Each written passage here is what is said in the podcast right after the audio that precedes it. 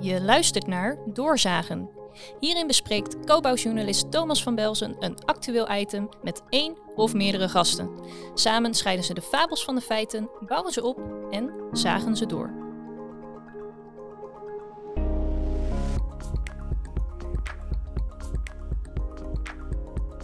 De rechtbank van Amsterdam verhuisde naar Enschede. Het provinciehuis in Arnhem krijgt een nieuw leven als circulair centrum in Heerde. En een theater in Scheveningen is nu onderweg naar Os, of tenminste die gaat naar Os. Dames en heren, welkom in Doorzagen. Ik heb vandaag twee eh, bijzondere gasten aan tafel die de meest bizarre dingen doen in de bouw. De een gelooft in een losmaakbare samenleving waarin je elke woning, ziekenhuis of theater oneindig vaak kunt losmaken en opbouwen. Welkom eh, Menno Rubens van CPZ. Dankjewel. Ja. En de ander die zet de zaag zelfs in de meest eh, zware betonconstructies. Oude delen worden op andere plekken opnieuw ingezet. Welkom Arend van de Beek van Lagemaat. Ja, dankjewel.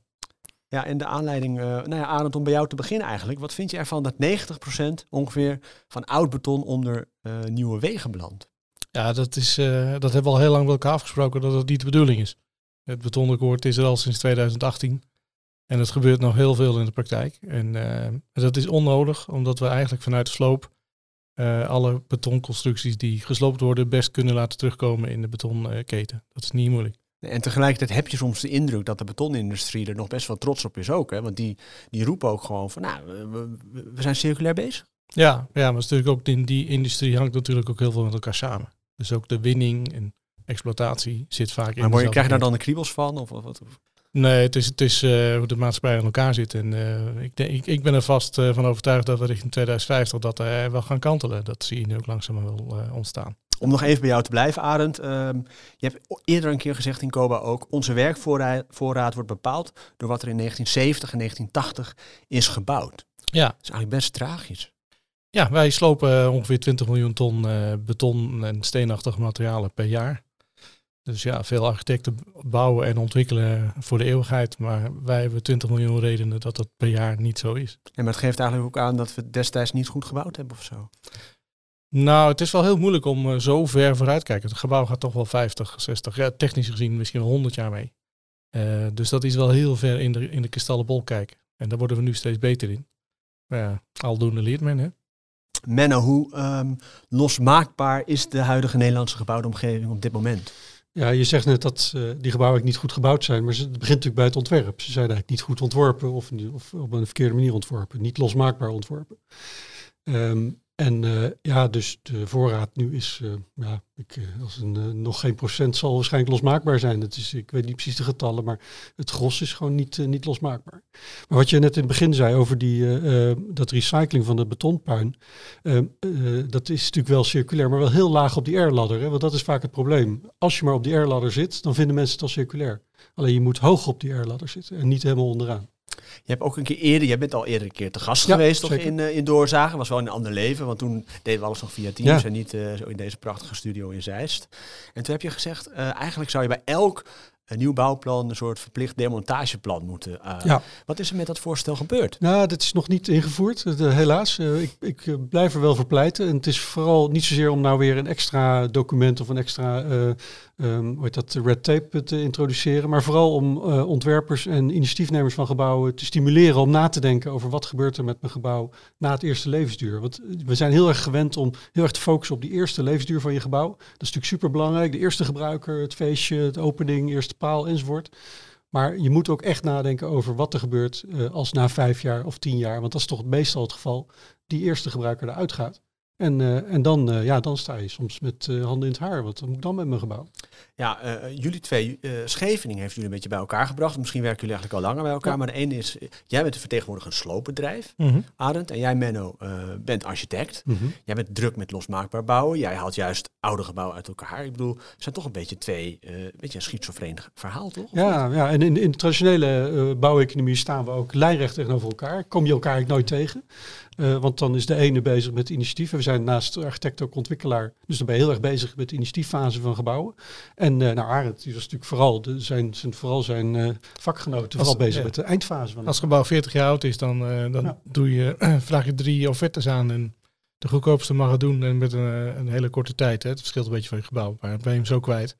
Dan gaat hij in wezen de bak in. Dan gaat alles terug naar grondstof. Want dat is dan wel zo in Nederland. We zijn wel een recyclemaatschappij. Dus het gaat allemaal terug naar grondstof. Maar dat is natuurlijk niet circulair. Dat Maar is, wel een eh, beetje twee verschillende bloedgroepen. Ik bedoel, gaat het wel samen? Ik bedoel, Ja. hoe lang houden jullie het voor Nou, we, ruimte? stonden, we, nou, we zijn elkaar tegengekomen, ik meen in 2019. Pakhuis de Zwijger, bij allebei. Daar waren we allebei spreker en dan ging het met name om van dat lijntje, hè, de, die, die twee uitersten die elkaar nooit zien. En als je die nou bij elkaar brengt, want ik, ja, ik had natuurlijk de opdracht van maak van de sloop iets circulairs. Nou, dat betekent dat de elementen die we er heel uithalen, dat je die het liefst één op één wil hergebruiken, maar dan moet een architect ze wel intekenen. Dus eh, ja, ik zocht daar de verbinding. En mijn idee was toen van nou, als we dat nou die twee uiteinden elkaar knopen, dan hebben we een mooie cirkel en dan, eh, dan zijn we heel circulair. Alleen het probleem is dat je dan nog steeds denkt dat je lineair door die cirkel gaat. Dus moest je nog weer een stapje verder. Dus we hebben elkaar gevonden in, in dat lezingencircuit. Dat is ook wel leuk om dat te zien. Dat daar ook En bij elkaar toe- gebleven. En bij Ja. elkaar gebleven. En dus met dat project de Tijdelijke Rechtbank eh, de eerste samenwerking eh, gevormd. Ja. Daar komen we zo nog vast even over te spreken. We gaan nu even naar Scheveningen. Daar waar niet alle huizen gelukkig scheef staan. Maar waar wel een theater staat. Eh, acht jaar. Een Zuiderzee-theater. Zuiderstrand, ja. Zuiderstrandtheater. sorry. Heel goed. Nee, Mhm. terecht. Dat gaat verhuizen. Ja, dat was een tender vanuit de gemeente Den Haag. Dat was eigenlijk door de raad, eh, de gemeenteraad van Den Haag, eh, die had gezegd van ja jongens, dat gebouw, dat gaan we, dat zou zonde zijn om dat traditioneel te slopen. Dus laten we een circulaire tender uitschrijven. En eh, wij hebben daar samen op ingeschreven, dus samen met Lagemaat en CPZ. En, en die tender gewonnen uiteindelijk. Dus dat, eh, eh, omdat wij het beste plan hadden om het gebouw te verplaatsen. Maar waarom moet hij weg? Ja, eh, er is een nieuw eh, k- cultuurcluster in het centrum van eh, Den Haag gebouwd. Eh, en dit was een, tijdelijk, eh, een tijdelijke oplossing voor het residentieorkest. Dus en, dat was eh, ook de aanleiding daarvoor. Hoe, hoe- wat voor gebouw is het? Het is een grote betonnen akoestische bak hè, waar, de, waar de, de, het eh, podium eh, in zit en waar de akoestiek eh, gediend moet worden. En daar zitten een aantal boxen omheen van, van andere type bouw. Waarin de kleedkamers zijn, de lobby, de ontvangst eh, en, de, en, het, eh, en de zaal. En dat, eh, ja, dat gaan we in basis halen. We schroeven hem uit elkaar. We zagen hem uit elkaar. En dan gaat hij op het vrachtwagentje en dan gaat hij naar, eh, naar Os. Precies, want even bij het begin beginnen. Ik bedoel, dan zegt op een gegeven moment... De, de gemeente, wat zei Den Haag? Is dat gemeente? Gemeente Den Haag, ja. Ja, die wil zeg maar dat, dat, die, dat die verplaatst wordt. Ja. Ehm, en, en dan zijn er dus meerdere partijen kennelijk die daarop inschrijven. ja En was- wij, wij hadden ook meerdere locaties waar die heen zou kunnen. Dus dat dan is- moet je ja. allemaal gaan matchen met elkaar. Dus wat we doen is we legaliseren dan het origineel, hè, wat de donor wordt. Betekent dat we hem in een 3D-pakket zetten. Dat we hem helemaal in Lego-steentjes opdelen virtueel. En dan gaan we met de Menno's Club om tafel en zeggen we, nou, dit is de blokkendoos.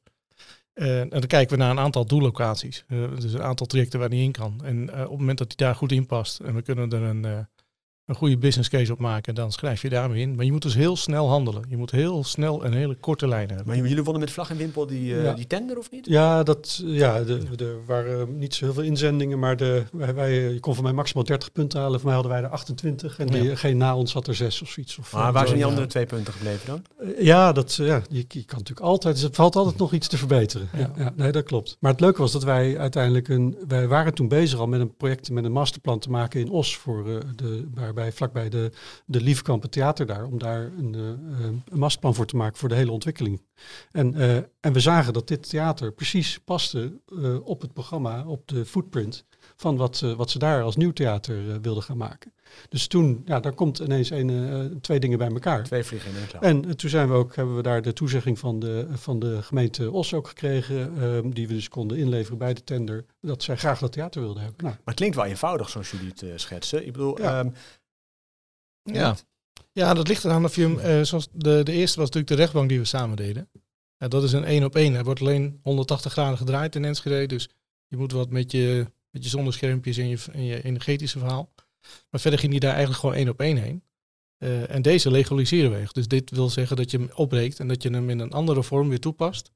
Waarbij je van tevoren aan de opdrachtgever, in dit geval Den Haag, kan aangeven hoeveel je gaat hergebruiken. Op het was een vierkante doos en nu wordt het een toren in Os. nee, de, de- basisopzet blijft hetzelfde, de hoofddraagstructuur, dus het stalen skelet met de betonnen elementen, die, die blijft, eh, nou, laten we zeggen, voor 90% hetzelfde. Alleen er komt, hij wordt in Os ongeveer twee keer zo groot, dus er komt nog een heel stuk bij. Eh, er komt een heel, nog een heel muziekcentrum eh, naast eh, nog bij, dus dat, dus dat is wat het groter wordt. Het totale volume zal je straks niet meer herkennen als het Zuidstrandtheater, maar de zaal natuurlijk nog wel. Wauw. Dat legaliseren, hè? Ik bedoel, hoe werkt dat precies, Arend? Nou, ja, wat we eigenlijk doen is gewoon vanaf de tekeningen die er maar zijn, of dat nou de, de vergunningstekeningen zijn of, of het meer gedetailleerd spel, of misschien zelfs zoals bij de rechtbank, Het hele 3D-model, omdat die nog maar vijf jaar oud was.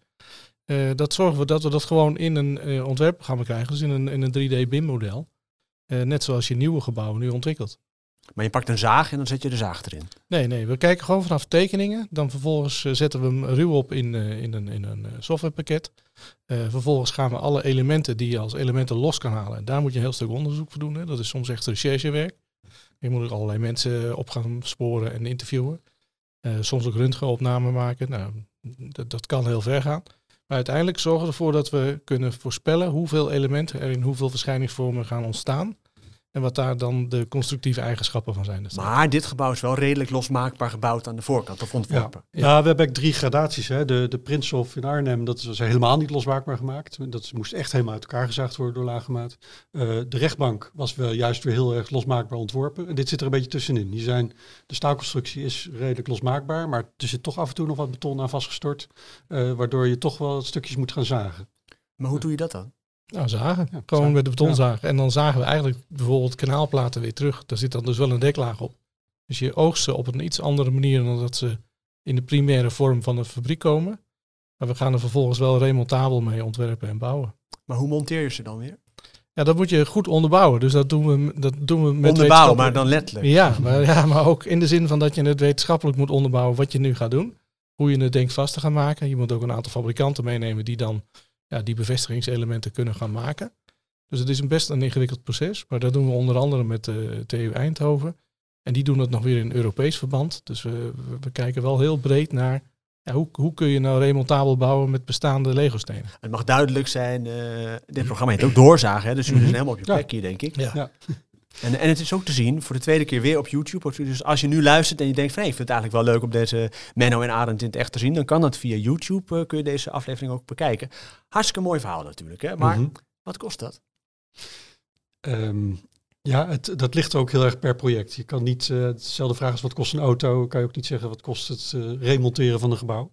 Het is heel erg afhankelijk van hoe het in elkaar gezet is. Dus de business case bij de rechtbank zit ook weer anders in elkaar als bij de Prinshof en bij het Zuiderstrandtheater.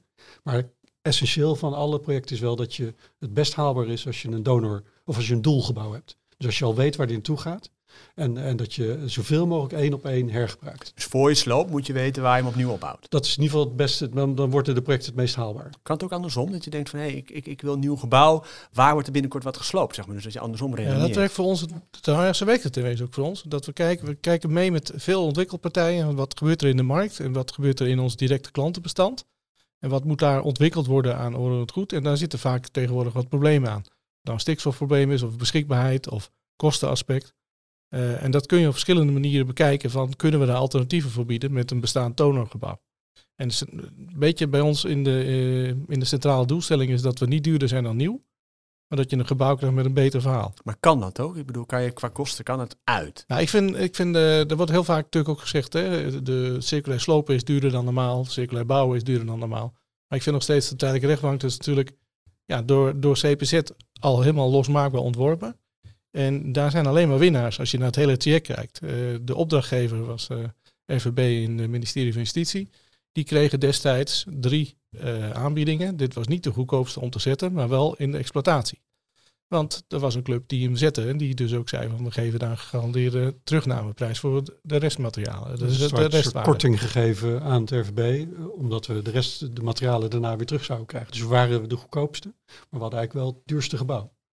Nou, vervolgens is de gebruiker die zegt, nou, ik zit niet in een of andere eh, ketenachtige container, iets. Ik zit in een serieus gebouw, wat ook voor de eeuwigheid had kunnen staan. Eh, vervolgens hebben ze, eh, heeft de CPZ en de, en de bouwer hebben het teruggenomen. Hebben het verkocht aan ons. Dus wij hebben de bouwmaterialen gekocht. Met, met daarbij de garantie dat wij het ook weghalen, dat we dat ook doen. En wij hebben dat hele, gestelsel, dat hele stelsel weer verkocht aan de afnemer in Enschede.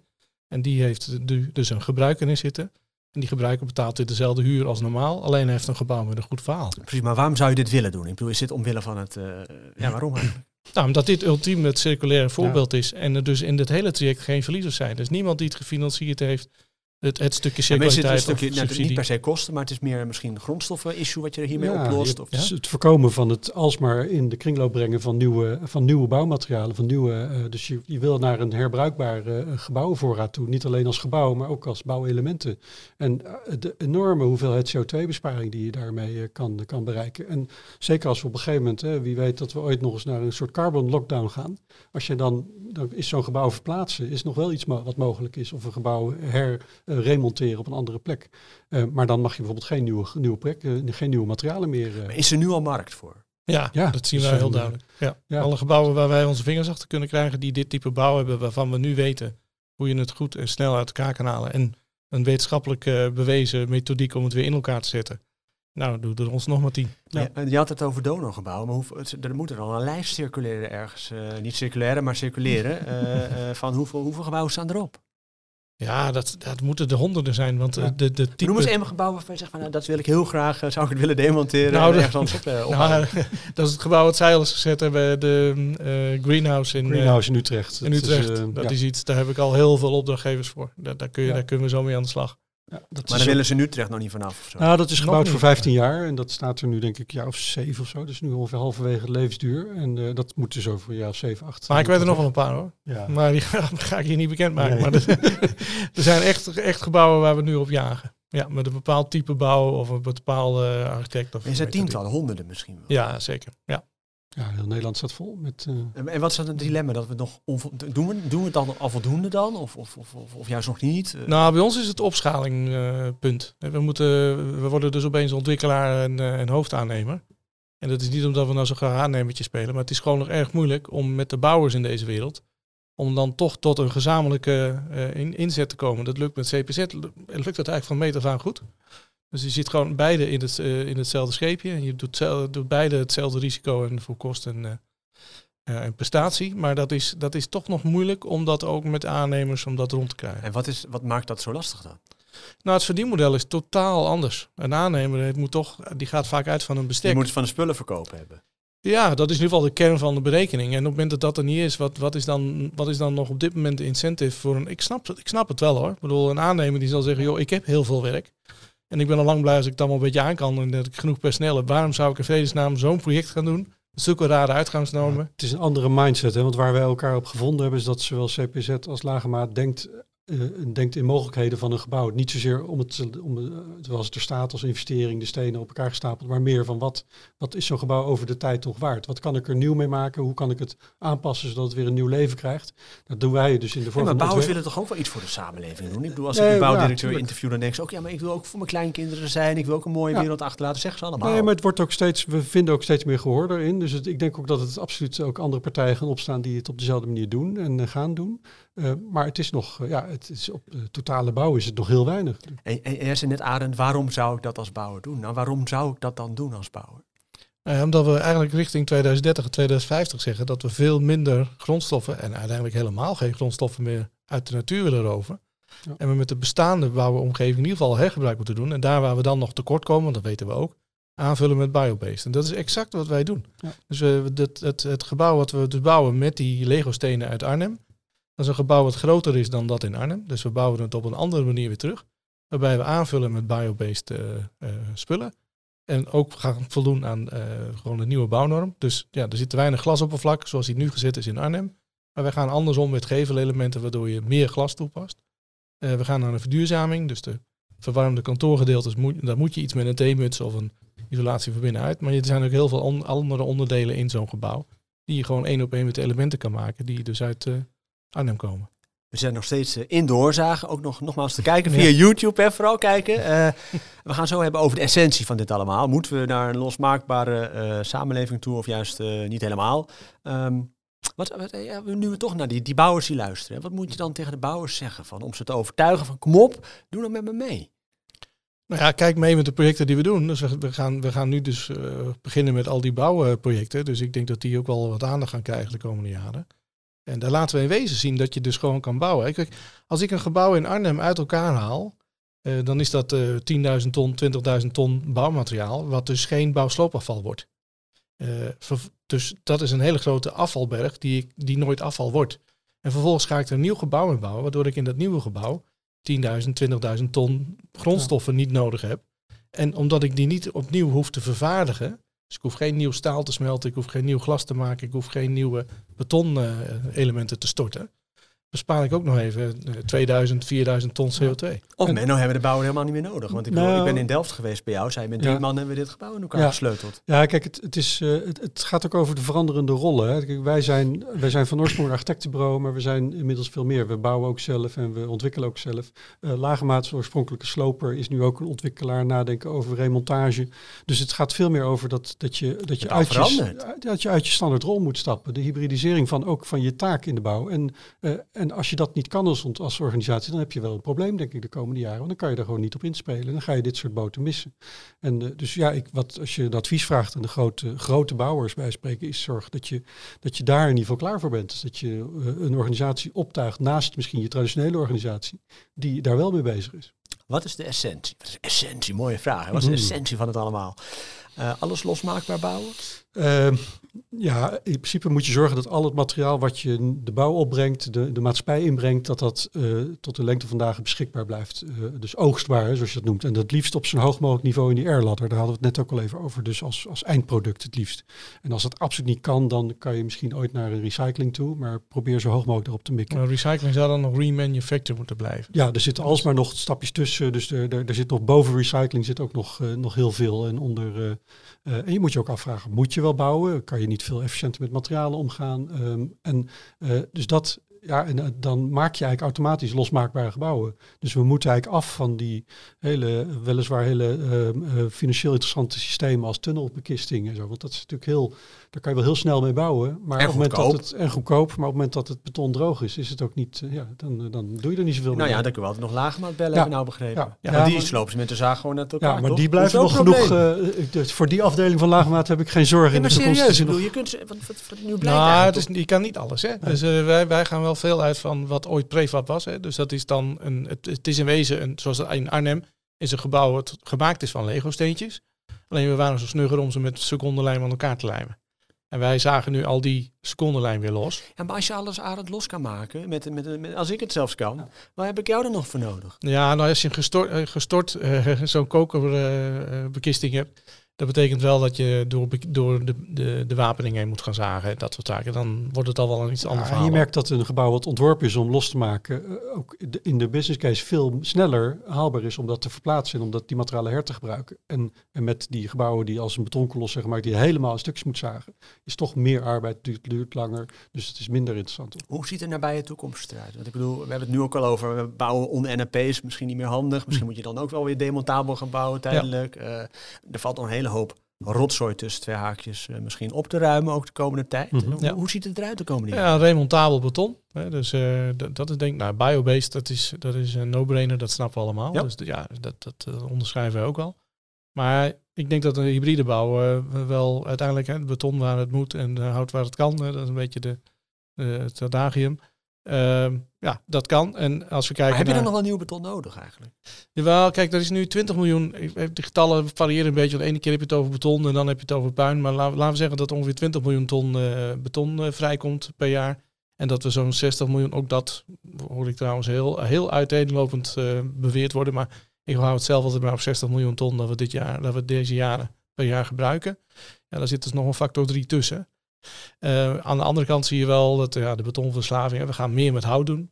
En wij komen toch nog wel steeds meer beton tegen. En het lukt ons ook steeds beter om het beton eh, los te houden uit die afvalstromen. En eigenlijk alle beton weer terug te laten komen. Eh, ook doordat we verder gaan dan alleen maar betongranulaat. Als we het hebben over beton, oud beton en nieuw beton. Dan wordt er nu vaak gesproken over betongranulaat. Maar granulaat, ja, betongranulaat, grindvervanger. dat is toch nog wel een beetje een verwaterend prin- principe. Want je raakt nog steeds veel kwijt aan een ondermaat. Dus niet alle sloopbeton komt beschikbaar.